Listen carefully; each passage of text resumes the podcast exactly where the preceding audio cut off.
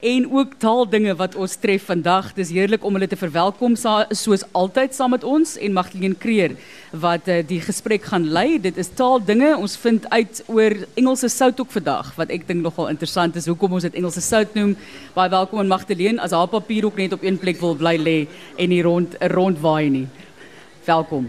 Baie dankie Martelies en goeiemôre aan almal en al die luisteraars ook. Dis vir my baie lekker om vandag hier net om die hoek van die Woordeboek van die Afrikaanse taal met my twee gaste te gesels, Dr Willem Botha en Dr Frikkie Lombard van die Woordeboek van die Afrikaanse taal. Nou, ek praat baie en Martelies praat baie en ons twee is nou saam.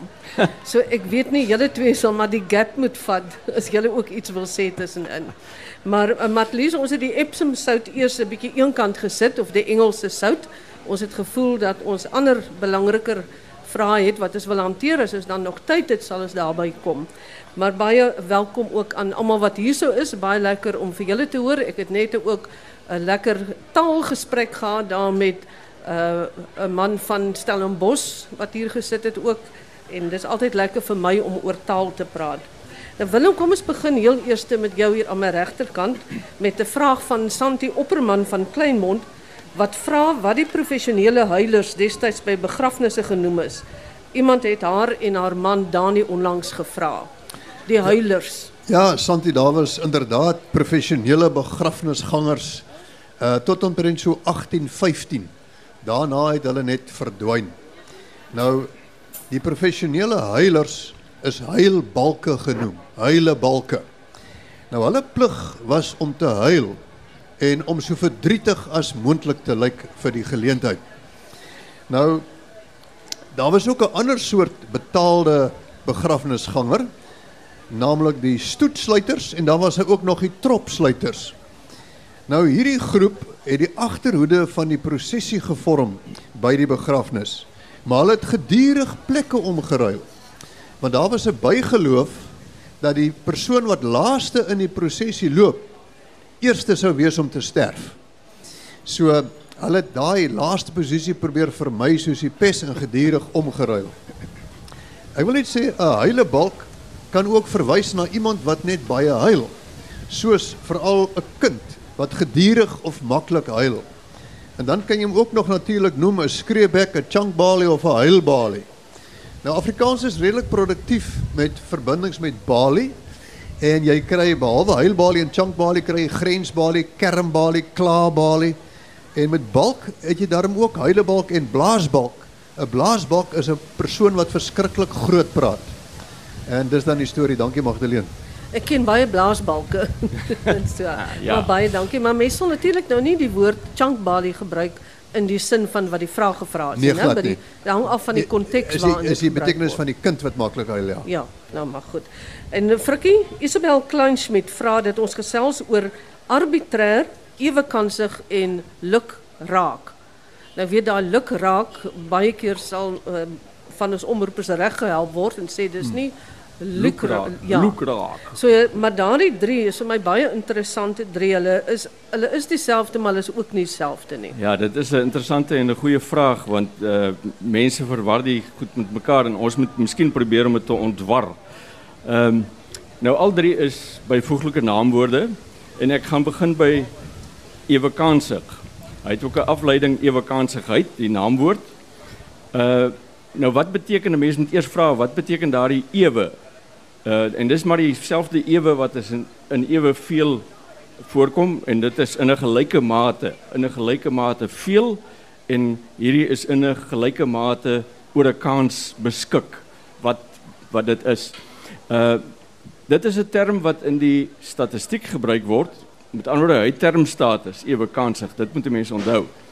En dit kom kortliks daarop neer dat daar byvoorbeeld by 'n steekproef nie kant gekies word of doelbewus voordeel gegee word nie. Met ander woorde, subjektiwiteit of vooroordeel word dadelik uitgehaal. En as 'n mens dan dit moet definieer, dan sal dit so iets wees soos wat 'n proses van seleksie of uitkiesing kenmerk waar elke lid of element van 'n versameling waaruit gekies word 'n gelyke kans het om gekies te word. 'n Ewekansige steekproef is dan 'n steekproef waarvan al die lede of elemente dieselfde kans gehad het sodat so 'n element of proefpersoon of monster 'n akkurate verteenwoordiging is van die groter versameling waaruit dit verkry is en 'n tipiese en ideale mengsel is van so 'n versameling. Dit is en dit uh, stel ewe kansig dan er teenoor die ander dit 'n termstatus.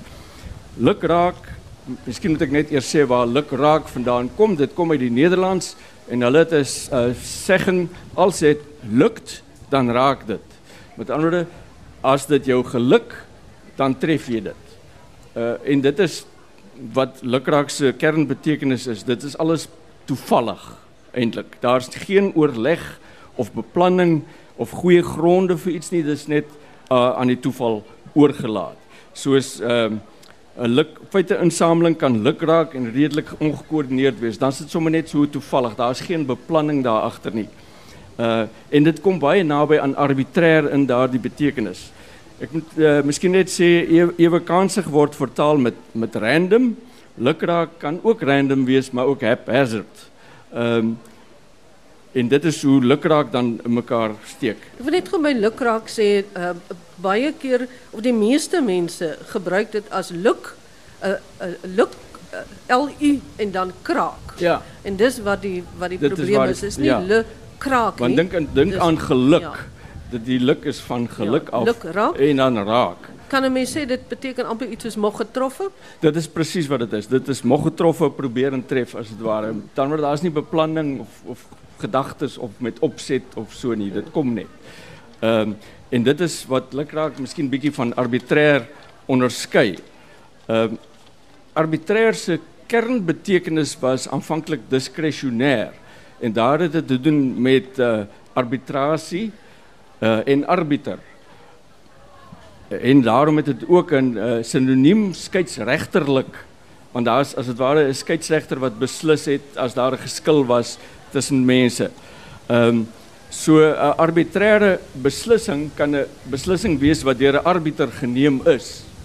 Uh en 'n arbitreëre bepaling kan 'n bepaling wees dat as daar 'n geskil is, arbiters of 'n arbiter die saak sal besleg.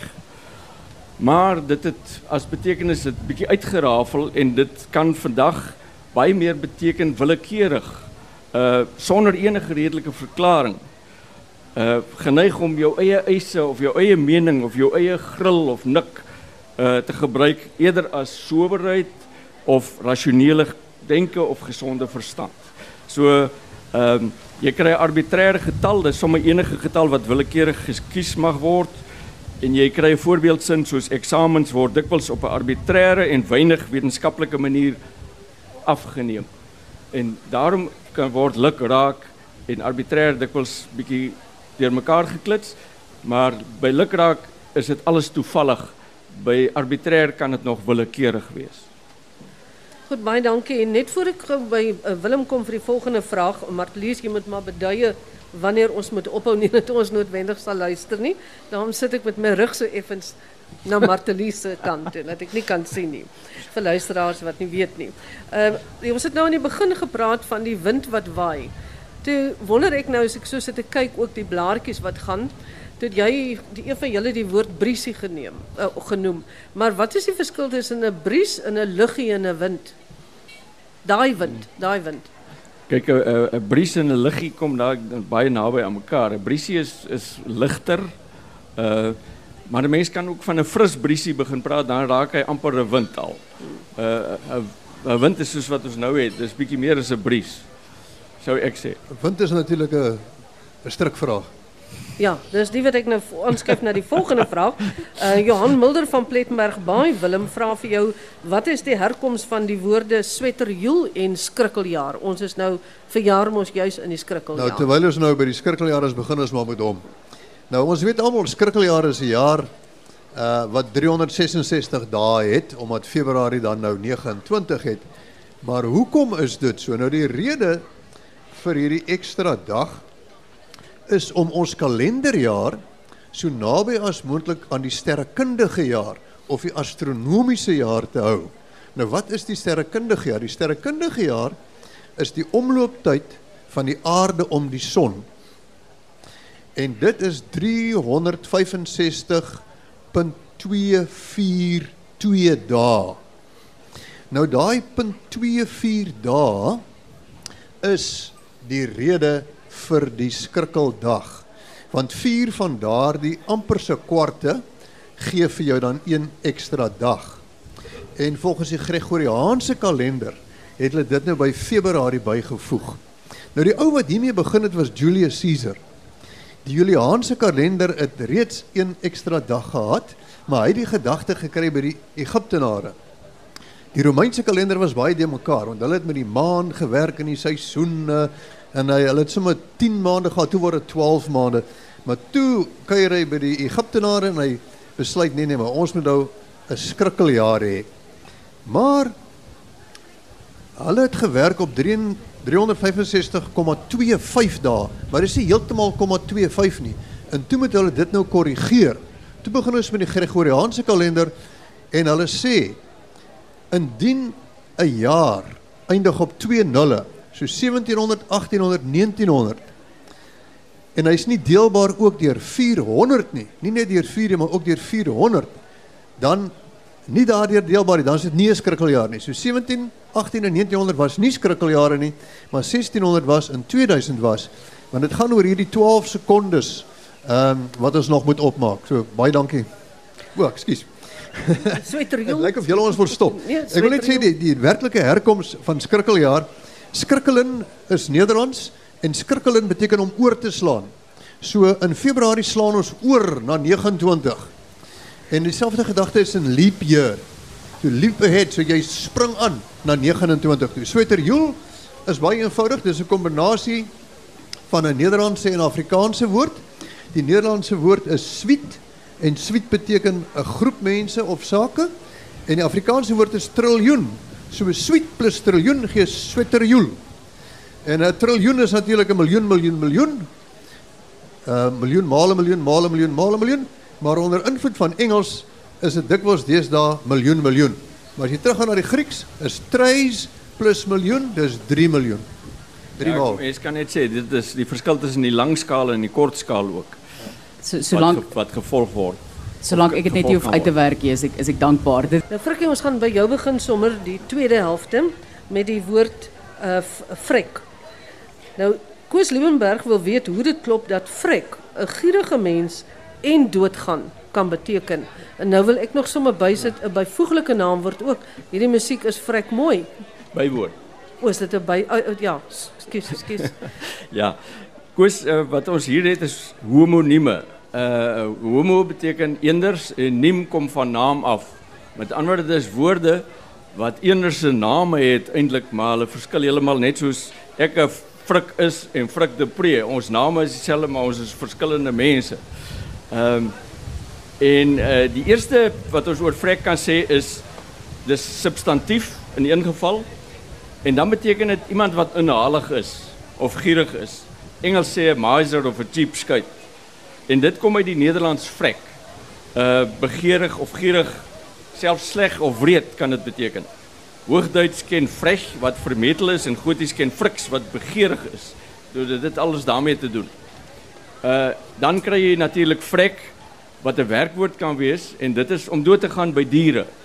Uh, of plat as jy dit van mense gebruik jy sê ag man ek hoop jy gaan vrek sommer jy weet dan is dit plat gebruik vir mense of dit kan ook gebruik word om te sê ophou werk die engine het gevrek. Jy weet hy werk nie meer nie. En dit kom uit Nederlands en Duits. Albei ken dit verrekken wat beteken gewoon sterf. In die afgeleide selfstandige naamwoord hiervan is dan vrekte soos 'n groot vrekte onder die vee.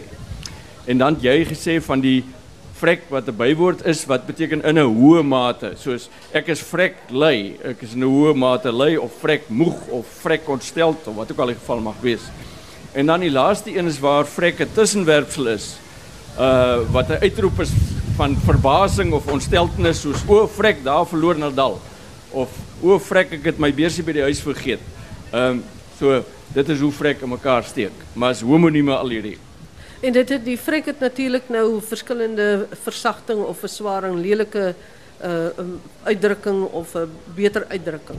Soos wat as ek nou gesê het vrek mooi. Uh, dit is meer van 'n platvloerse manier of nie noodwendig. Kyk, is dis uh, seker 'n informeler tipe taal, geselstaal, maar dit is so algemeen. Ehm um, ek ek weet nou nie of jy dit van 'n amptelike verhoog op dominee sal sê iets is vrek sondig of so iets nie. Nee. Uh, ek twyfel, jy weet, maar Miskien maar is dit dit nodig dat redelik hy informeel. dit so sê.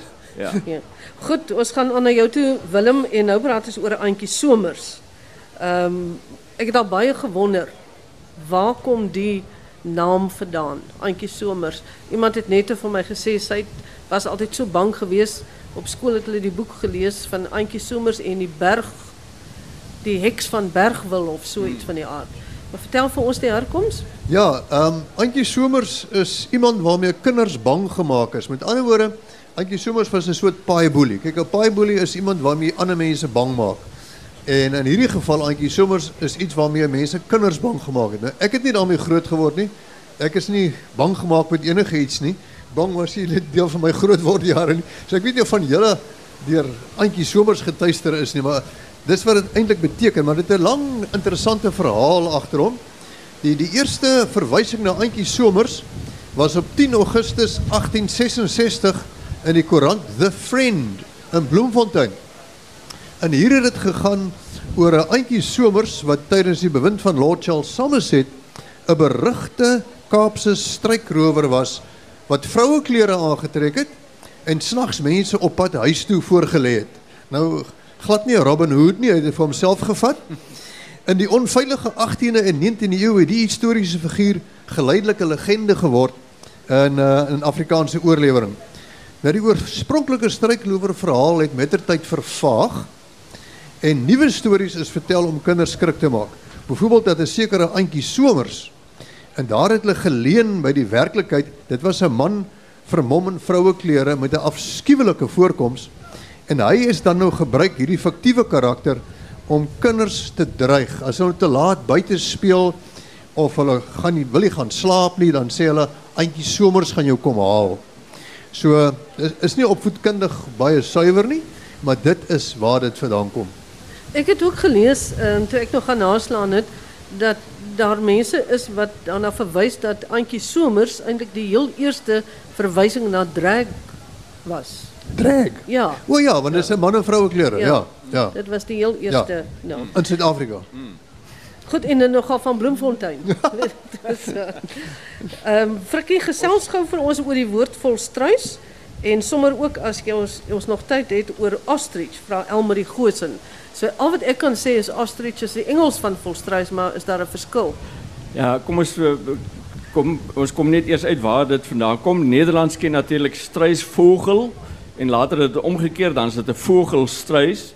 En die vogel word anders as wat 'n mens sou reken met die intervokaliese g wat in, in Nederlands weggeval het om vir ons voel te gee, het vol geword, maar daai vol beteken eintlik voel. Die struis uh in volstruis kom van die genusnaam Strutio wat weer teruggaan op die Grieks strutos en strutos uh was onder andere 'n mossie. Die volle naam wat destyds vir die volstruis gegee is was Strutio camelus met ander woorde eintlik 'n kameelmossie of 'n mossie kameel. Uh vandag is die genusnaam vir 'n volstruis dan daardie Strutio en die soortnaam is Camelus. Die naam volstruis is dus tautologies net soos walvis want vol beteken voël en die struis is ook 'n voël. Ostrich uh kom uit die Latyn avis plus strutio.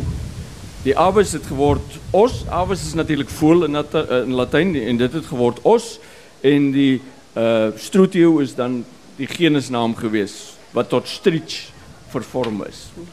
So ook tautologies dus. Goed en uh, het ons kans om nog aan te gaan met 'n vraag? Ja, julle kan nog so een of twee doen. Goed, Rod, Rodney Edgecombe vra of waffers altyd in die negatief gebruik word, naamlik nie waffers nie. Dit gaan nie waffers nie, Willem. Ja, Rodney, jy jou is 'n goeie vraag. Waffers kan wel positief gebruik word. En Rodney sê, hoekom kan hy nie sê Roger Federer is 'n wafferse tennisspeler nie? Jy kan so sê, Rodney, want hy is 'n wafferse tennisspeler. Ehm um, as jy 'n woordeboek gaan kyk, dan staan daar by waffers byvoeglike naamwoord. Dit kan ook 'n bywoord wees natuurlik.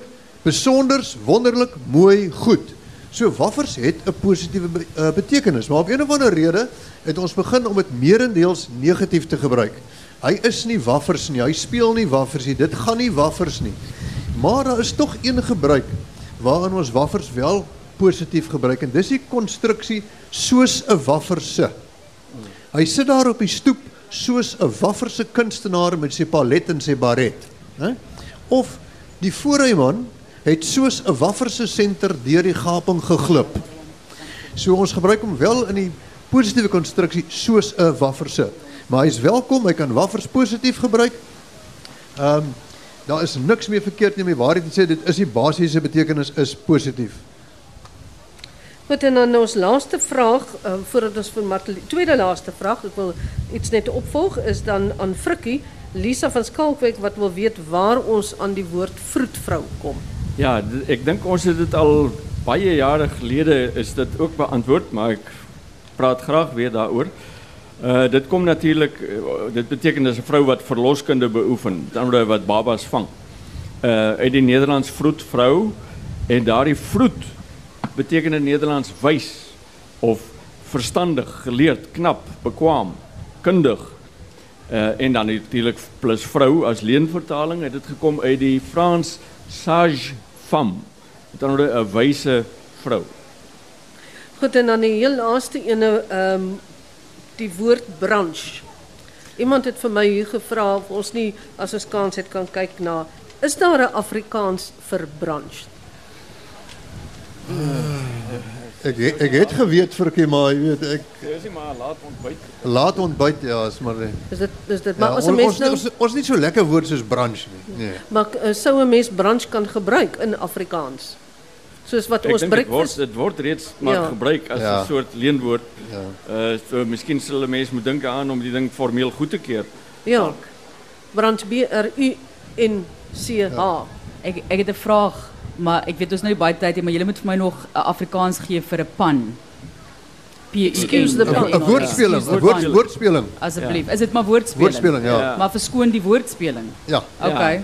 Dis bietjie laas bietjie lank, maar dis wat dit is. Ja. nog. Maar dis wat dit is, hy werk.